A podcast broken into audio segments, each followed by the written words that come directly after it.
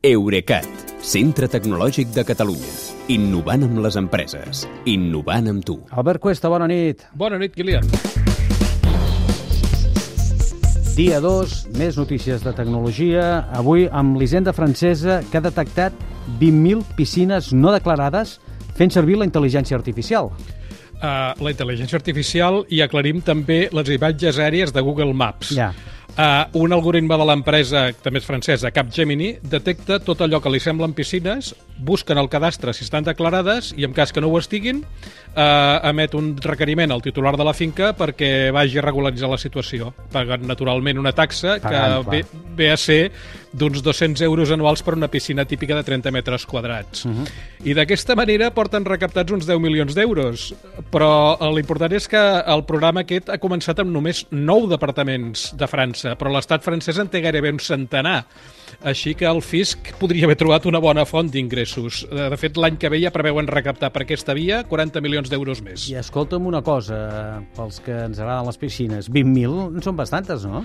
Uh, en realitat no tantes, perquè a França n'hi ha més de 3 milions perquè, sobretot allà, com també aquí, la pandèmia de Covid va disparar la construcció de piscines noves. Allò, si no sorties de casa, doncs te'n posaves una, no? Ja. Uh, però és que fa pocs dies el 324 explicava que a l'Estat hi ha censades 1,2 milions de piscines.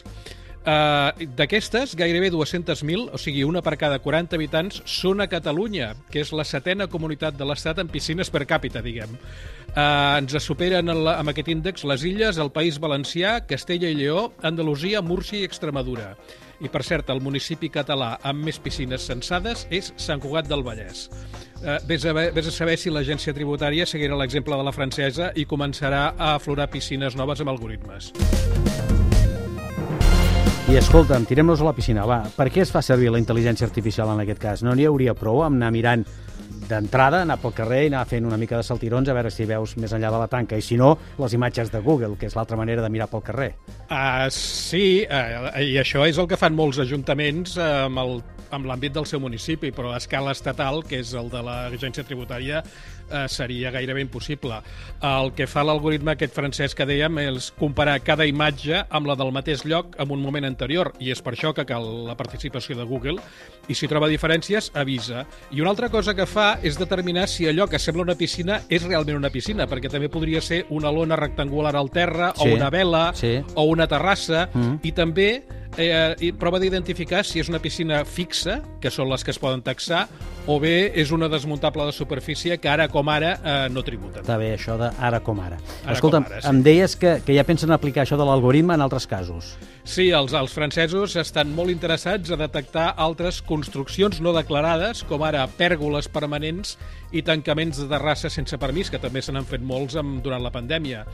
I sense anar a França, ens quedem-nos a l'Estat, es fa servir la intel·ligència artificial per detectar el frau en el consum d'aigua per omplir piscines. El que fan és comparar si el canvi de volum de líquid eh, correspon o no al que registra el comptador de la companyia d'aigua o bé és que el propietari ha sigut massa espavilat i ha punxat directament l'escomesa. Doncs ja sabeu, si us sentiu observats és que estem És, observats. és que us estan observant. Sí. Certament. Gràcies i fins demà, Albert, que vagi bé. Bona nit, Kilian. Fins demà. Eurecat, centre tecnològic de Catalunya. Innovant amb les empreses. Innovant amb tu.